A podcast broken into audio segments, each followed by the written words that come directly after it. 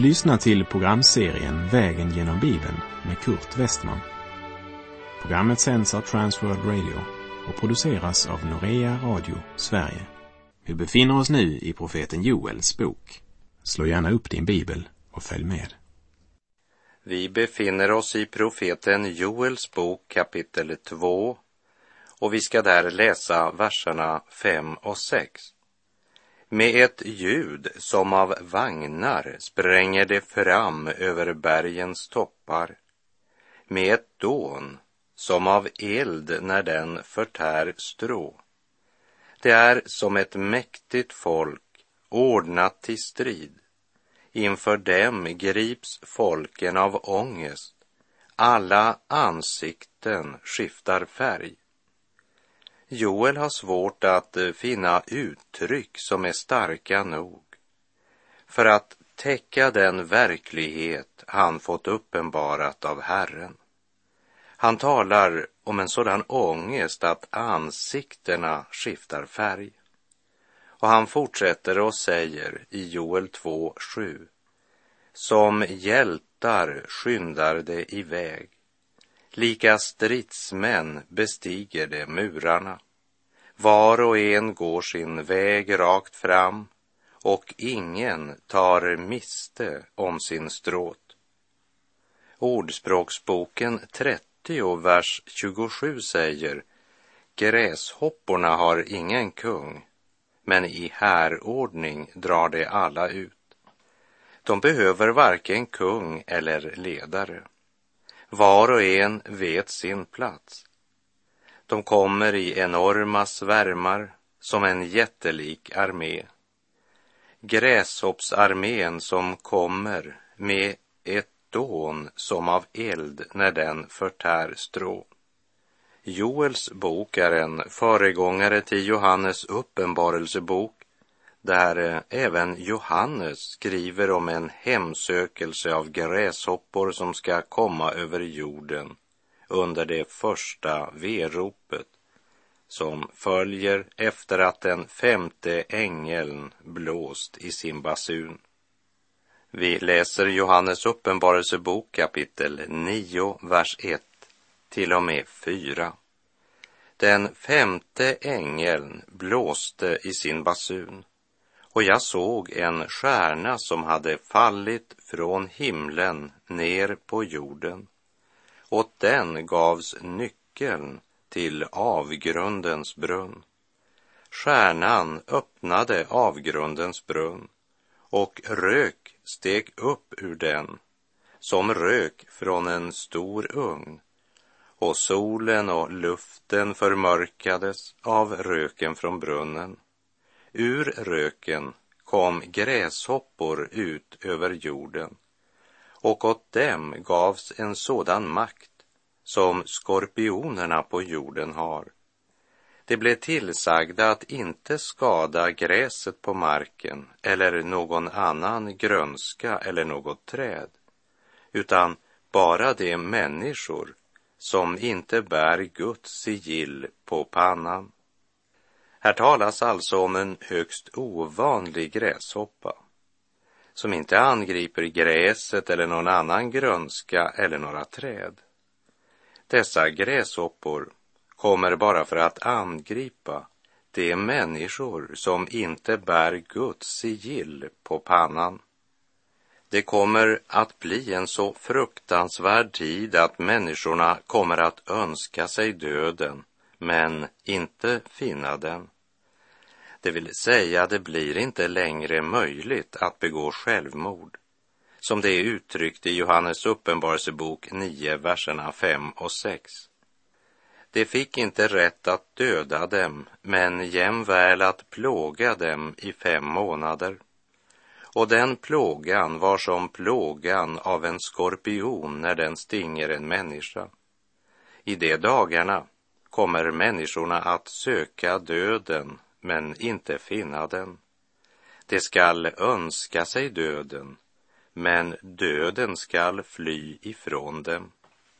Och vi lägger märke till den beskrivning som Uppenbarelseboken ger av dessa gräshoppor i Johannes uppenbarelsebok 9, vers 7, där han skriver Gräshopporna såg ut som hästar rustade till strid. På huvudet hade de något som liknade kransar av guld och deras ansikten var som människors ansikten. Här lyfts perspektivet mycket längre än bara den lokala hemsökelsen av gräshoppor och helt fram till Herrens dag. Vi läser profeten Joel kapitel 2, verserna 8 till och med 10. Den ene tränger inte den andre. Var och en går sin givna bana. Mitt igenom vapnen störtade fram utan att hejdas. Det stormar in i staden, rusar fram på murarna, klättrar upp på husen, går in genom fönstren som tjuvar. Inför dem darrar jorden, himlen bävar, solen och månen förmörkas, stjärnorna mister sitt sken. Var och en går sin givna bana, det vill säga, det är lite för välorganiserat för att vara tillfälligheter och inga murar kan stoppa angreppet. De bryter sig väg genom fönstren som en tjuv och inte någon enskild kommer undan. Det påminner om den bild Johannes ger oss i Uppenbarelseboken. Vi läser vidare Joel 2, vers 11. Herren låter sin röst höras framför sin här. Mycket stor är hans härläger. Stark är den som utför hans order. Ty stor är Herrens dag och mycket fruktansvärd. Vem kan uthärda den? Det här är tredje gången Joel nämner Herrens dag och han säger den är mycket fruktansvärd. Vem kan uthärda den? Och om inte den tiden förkortades skulle ingen människa bli frälst, säger Jesus i Matteus 24, vers 22. Och så tillägger han, men för de utvaldas skull kommer den tiden att förkortas. I Uppenbarelsebokens sjunde kapitel säger Gud att han ska hålla tillbaka jordens fyra vindar så att ingen vind skulle blåsa, vilket är Guds dom över jorden, tills Herren har satt sitt sigill på pannan till två stora grupper. Den ena gruppen beskrivs som de 144 000 ur Israels alla stammar. Och den andra gruppen utgör en stor skara som ingen kunde räkna av alla folkslag och stammar och länder och språk. Kära broder och syster i Herren.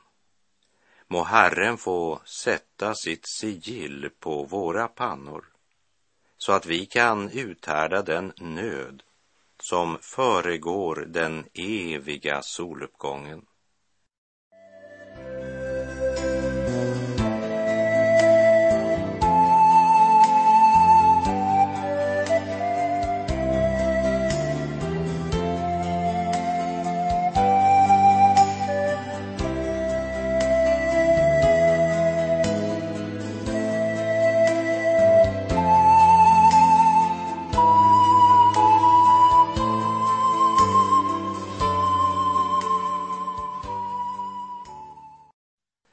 Frågar oss, vad kan en syndare göra i en tid som denna? Ja, låt oss höra vad Joel säger. Joel kapitel 2, vers 12. Men nu, säger Herren, vänd om till mig av hela ert hjärta med fasta och gråt och klagan Vänd om till mig av hela ert hjärta. Gud säger att det folk som vänt honom ryggen måste vända om. Mitt i den ödeläggelse och det mörker som beskrivs, när man inte kan vänta någon räddning undan Herrens här, så kommer ett helt annat alternativ. Det är en vind ifrån en helt annan värld, från evighetens värld. All yttre gudstyrkan och formell religion bleknar och är ingenting värd. Det enda det handlar om, det är vårt hjärteförhållande. Utan att leva i ett rätt förhållande till Gud finns det inte något hopp. Gud talar om en total sinnesändring. Även Paulus vittnar om total sinnesändring när han skriver till de troende i Filippi. I Filipperbrevet 3, vers 8. Ja, jag räknar allt som förlust därför att jag har funnit det som är långt mera värt. Kunskapen om Kristus Jesus min Herre. För hans skull har jag förlorat allt och räknar det som avskräde för att jag skall vinna Kristus. Paulus har blivit född på nytt. Guds ande är utgjuten i hans hjärta och det har öppnat hans ögon. Han förstod att det är inte bara ogudaktiga människors ondska och uppenbara synder som är en styggelse för Gud. Men även den naturliga människans religiösa verksamhet är en styggelse eftersom det inte är något annat än köttet. Och det som är fött av köttet är kött och det som är fött av anden är ande. Det sa Jesus när han undervisade Nikodemus, som vi läste i Johannes 3, vers 6. Paulus har förkastat alla grunder han tidigare byggde på för att vinna Kristus och bli funnen i honom. Genom profeten Joel talar Gud till prästerna och till allt folket om sinnesändring, alltså om en sådan omvändelse som får konkreta konsekvenser i vardagen och blir uppenbar för alla. Vänd om till mig av hela ert hjärta, sa Gud. Det handlar alltså inte bara om att korrigera kursen lite grann, utan det handlar om att göra helt om, 180 grader. Och Gud säger vidare med fasta och gråt och klagan. Det är sant att det flyter tårar när en människa väcks till besinning och ser sin synd som ett brott mot Gud. Men tårarna är bara en biprodukt. Men själva omvändelsen, den består i sinnesändring. Så när Herren säger vänd om till mig av hela ert hjärta med fasta och gråt och klagan så menar han omvändelse. Och omvändelsens biprodukter blir fasta, gråt och klagan. Tyvärr finns det människor som tror att om de går fram till altaret eller till första bänkraden och gråter nog många tårar så är de omvända. Men det viktigaste är inte hur stark känslosvallet är i ögonblicket. Frågan är om det blir någon sinnesändring. Om man verkligen vänder om från den väg man tidigare vandrat. Vänd om till mig av hela ert hjärta, säger Herren. Och vi läser vidare vers 13. Riv sönder era hjärtan, inte era kläder, och vänd om till Herren er Gud. Ty nådig och barmhärtig är han, sen till vrede och stor i nåd och han ångrar det onda. Det handlar alltså om en hjärtats erfarenhet, långt mera än om yttre åthävor. Och vi kan ju minnas att enligt Mose lag så var det förbjudet för prästen att riva sönder sina kläder. Omvändelsen skulle inte visa sig i en yttre fanatism. Det var viktigare att hjärtat grät än att kinderna var våta. Och vänd om till Herren, er Gud. Så talar Joel konkret om varför de skulle vända om till Herren. Ty han är nådig och barmhärtig, sen till vrede och stor i nåd. När vi vandrade genom Andra Mosebok och Jona bok talade jag mera ingående om vad som menas med att Gud ångrar. Vi minns hur Gud sände Jona till en Nineve för att förkunna att Guds dom närmade sig. Gud skulle ödelägga staden. Men folket i Nineve ångrade sina synder och omvände sig, så Gud ödelade inte staden. Så det kunde se ut som om Gud hade ändrat sig, men Gud är oföränderlig. Han är alltid barmhärtig. Han är alltid nådig och är alltid sen till vrede. Kära vän, du kan alltid lita på Gud. Han förändras aldrig. Han är oföränderlig. Men när en syndare omvänder sig och vänder sig till Herren så säger Gud, du var under min dom och jag skulle ha dömt dig.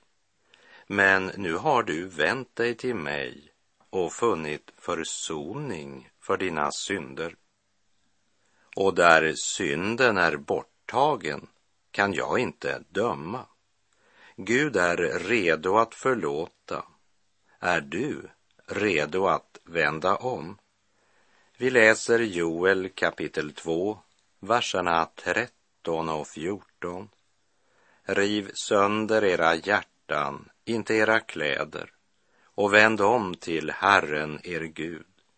Ty nådig och barmhärtig är han, sen till vrede och stor i nåd, och han ångrar det onda. Vem vet, kanske vänder han om och ångrar sig och lämnar en välsignelse kvar efter sig till matoffer och drickoffer åt Herren, er Gud.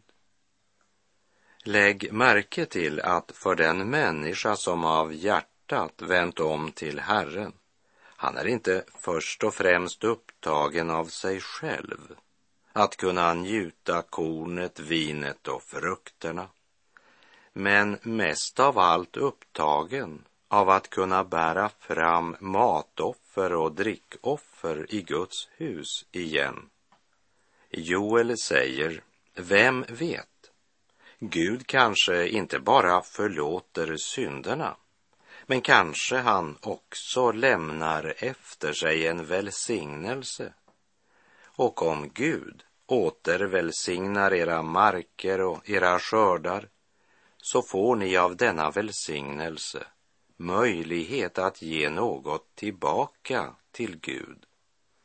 När Gud återupprättar kommer det att märkas också i Guds hus eftersom folket inte bara har något att bära fram men man är villig att bära fram till Herren av det man har.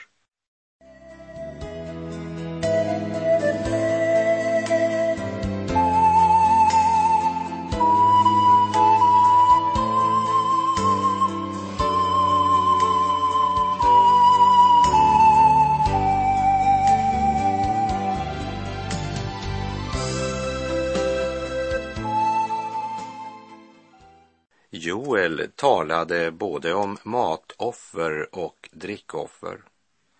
Drickoffret, det utgöts över de andra offren och blev ett med dem. När det hälldes över det heta offret som låg på altarglöden så gick det upp i rök och ånga som spred sin väldoft. Kanske är det just drickoffret Paulus tänker på som en förebild när han i Andra Korinthierbrevet 2, vers 14 skriver Men vi tackar Gud som alltid för oss fram i Kristi segertåg och genom oss överallt sprider sin kunskaps väldoft. Och när han i Filipperbrevet 2.17 talar om att hans blod blir utgjutet, ja, då verkar det vara tanken på drickoffret som en vällukt inför Herren han tänker på. Jag citerar Filipperbrevet 2, vers 17. Ja, även om mitt blod blir utgjutet, då ni bär fram er tro som offer, är jag glad och gläds med er alla. Även om Paulus skulle bli tvungen att bära fram sitt eget blod som ett drickoffer för Herren, så är han glad. Vi läser Joel kapitel 2, vers 15. Blås i horn på Sion. Pålys en helig fasta. Lys ut en helig sammankomst. Vi minns att i kapitel 1, vers 14 så talades om att pålysa en helig fasta, lysa ut en högtidsförsamling och samla alla som bor i landet till Guds hus. Och kapitel 2 inledes med orden Blås i horn på Sion, låt larmet ljuda på mitt heliga berg. Och nu kommer det för tredje gången här i kapitel 2, vers 15. Blås i horn på Sion. Pålys en helig fasta. Lys ut en helig sammankomst. Guds folk skulle samlas. Gud kallar dem samman till en helig sammankomst för att höra hans ord så att de får möjlighet att vända om till Herren, sin Gud. Inför den förestående domen öppnar Gud sin famn för den som vill lyssna till hans ord och vända om. Han är barmhärtig och nådig. Han vill frälsa och upprätta den fallne. I det gamla förbundet så hade Gud genom Mose påbjudit många högtider som alla, med undantag för den stora försoningsdagen, var festdagar. Folket skulle komma med jubel och glädje inför Herren. Men nu har de vänt Gud ryggen och lever i synd. Och då är det tid för fasta och att träda inför Herren med tårar och ånger. Och det enda sätt på vilket vi kan komma till Gud är som syndare som önskar vända oss bort från våra synder och vandra i ljuset.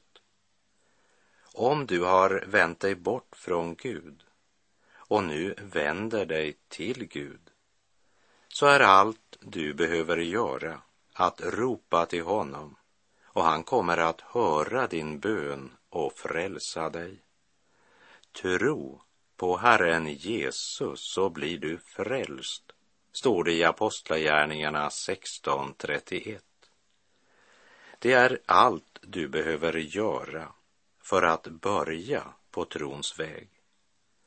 Du behöver inte gå med i någon kyrka eller församling eller genomgå ett visst ritual eller några religiösa ceremonier eller ge honom några löften.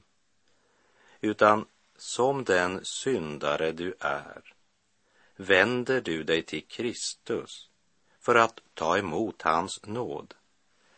Evangeliet är det nya förbundets basun som genom Jesus ropar ut. Jag har fått all makt i himlen och på jorden. Gå därför ut och gör alla folk till lärjungar. Döp dem i Faderns och Sonens och den helige Andes namn och lär dem att hålla allt vad jag har befallt er. Och se, jag är med er alla dagar in till tidens slut. Blås i horn på Sion. Kalla samman Guds folk. Poängtera att det är en helig samling. När någon går fram till bekännelse och förbön så är det ett heligt ögonblick. För med detta bekänner de att de vänder sig bort från synden och vänder sig till Gud för att vandra i helgelse och Guds fruktan. Samtidigt vill jag påminna om att gå fram till förbön betyder inte därmed att det automatiskt är en sann omvändelse. Men låt inte det hindra dig från att gå fram när Herren manar dig att göra det. Blås i horn på Sion. Den som lever i synd kan inte undgå Guds dom. Hebreerbrevet 9.27 säger att det är bestämt om människan att hon en gång skall dö och sedan dömas. Och Romarbrevet 6, vers 23 säger att syndens lön är döden. Men versen slutar inte där. Hör Herrens ord i Romarbrevet 6, vers 23. Ty syndens lön är döden, men Guds gåva är evigt liv i Kristus Jesus, vår Herre. Till himlen det ej tvingas, det blott i klockan ringes. Och med det så är vår tid ute för den här gången. Sök Herren medan han låter sig finnas. Åkalla honom medan han är nära. Och säg till Herren, döm mitt hjärta här i tiden innan världen döms av dig och när tiden är förliden i ditt domslut fria mig. Herren vare med dig, må hans välsignelse vila över dig. Gud är god. Du har lyssnat till programserien Vägen genom Bibeln med Kurt Westman som sänds av Transworld Radio. Programserien är producerad av Norea Radio Sverige. Om du önskar mer information om vårt radiomissionsarbete så skriv till Norea Radio Sverige, box 3419 103 68 Stockholm. Adressen är alltså Norea Radio Sverige box 3419. Postnumret 10368 Stockholm.